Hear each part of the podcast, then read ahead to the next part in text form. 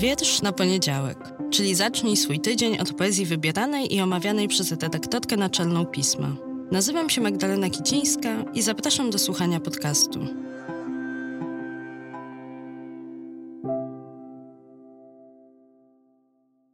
Mecenasem poezji w piśmie jest miasto Gdynia, sponsor Nagrody Literackiej Gdynia. Cześć, dzień dobry, dobry wieczór. Witajcie we wrześniu. Jeszcze cały czas jest lato, bo jak wiecie, ja się będę upierała, że do astronomicznej jesieni jesteśmy w lecie, a wrzesień jest bardzo piękną odsłoną dojrzałego lata. Dzisiaj zabieram Was na wycieczkę do Tykocina, a stanie się tak za sprawą autora wiersza z wrześniowego numeru, wiersza właśnie o tym tytule, Tykocin. Adrian Sinkowski jest jego autorem. Autorem znanym z łamów pisma, ale za sprawą prozy, bo w 2022 w lutym opublikowaliśmy jego opowiadanie pod tytułem Chucpa. Zapraszam, zachęcam do przeczytania albo do odsłuchania tego tekstu. A teraz we wrześniowym numerze poniekąd drugi raz debiutuje, bo tym razem już jako poeta, bo poetą jest, jest autorem tomików m.in. Raptularz i Atropina. W latach 2007-2017 był redaktorem naczelnym i współpracownikiem kwartalnika literackiego Wyspa. Otrzymał wyróżnienie w konkursie Dolina Kreatywna jest też laureatem projektu Połów. To jest taki bardzo ważny projekt, inicjatywa, która, no właśnie, łowi poetyckie, literackie talenty. Był nominowany do Nagrody Literackiej Miasta Stołecznego Warszawy, Nagrody Poetyckiej imienia Gałczyńskiego, Nagrody Literackiej imienia Mackiewicza, Nagrody Norwida i Nagrody Identitas autor, który już sobie swój język wyrobił w tych dwóch tomach. Wyraźnie widać ten proces pracy nad warsztatem i nad poszukiwaniem swojego idiomu.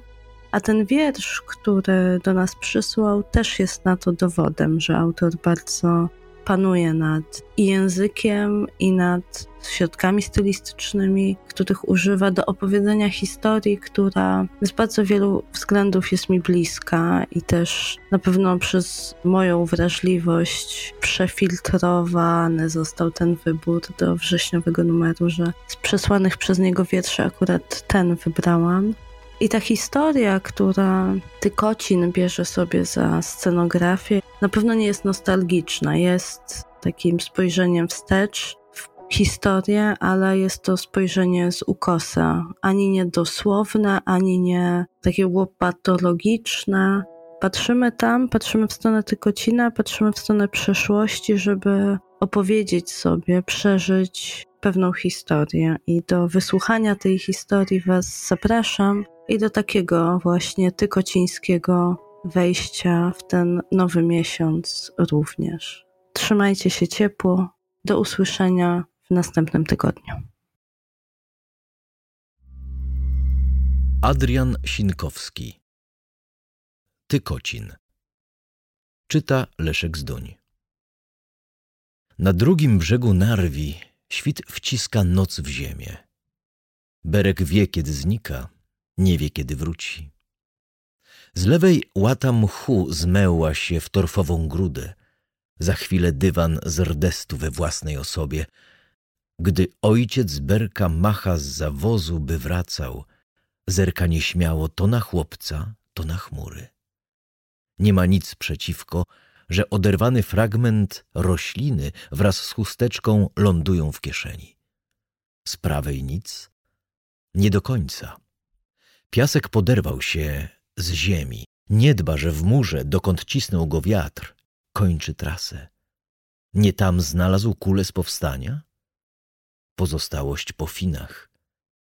Nadłamane słowo, które nie opiera pleców o kufer w wozie.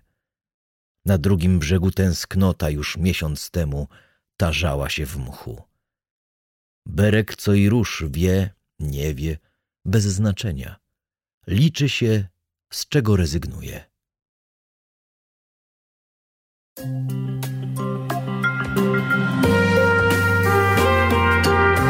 Pismo. Magazyn opinii.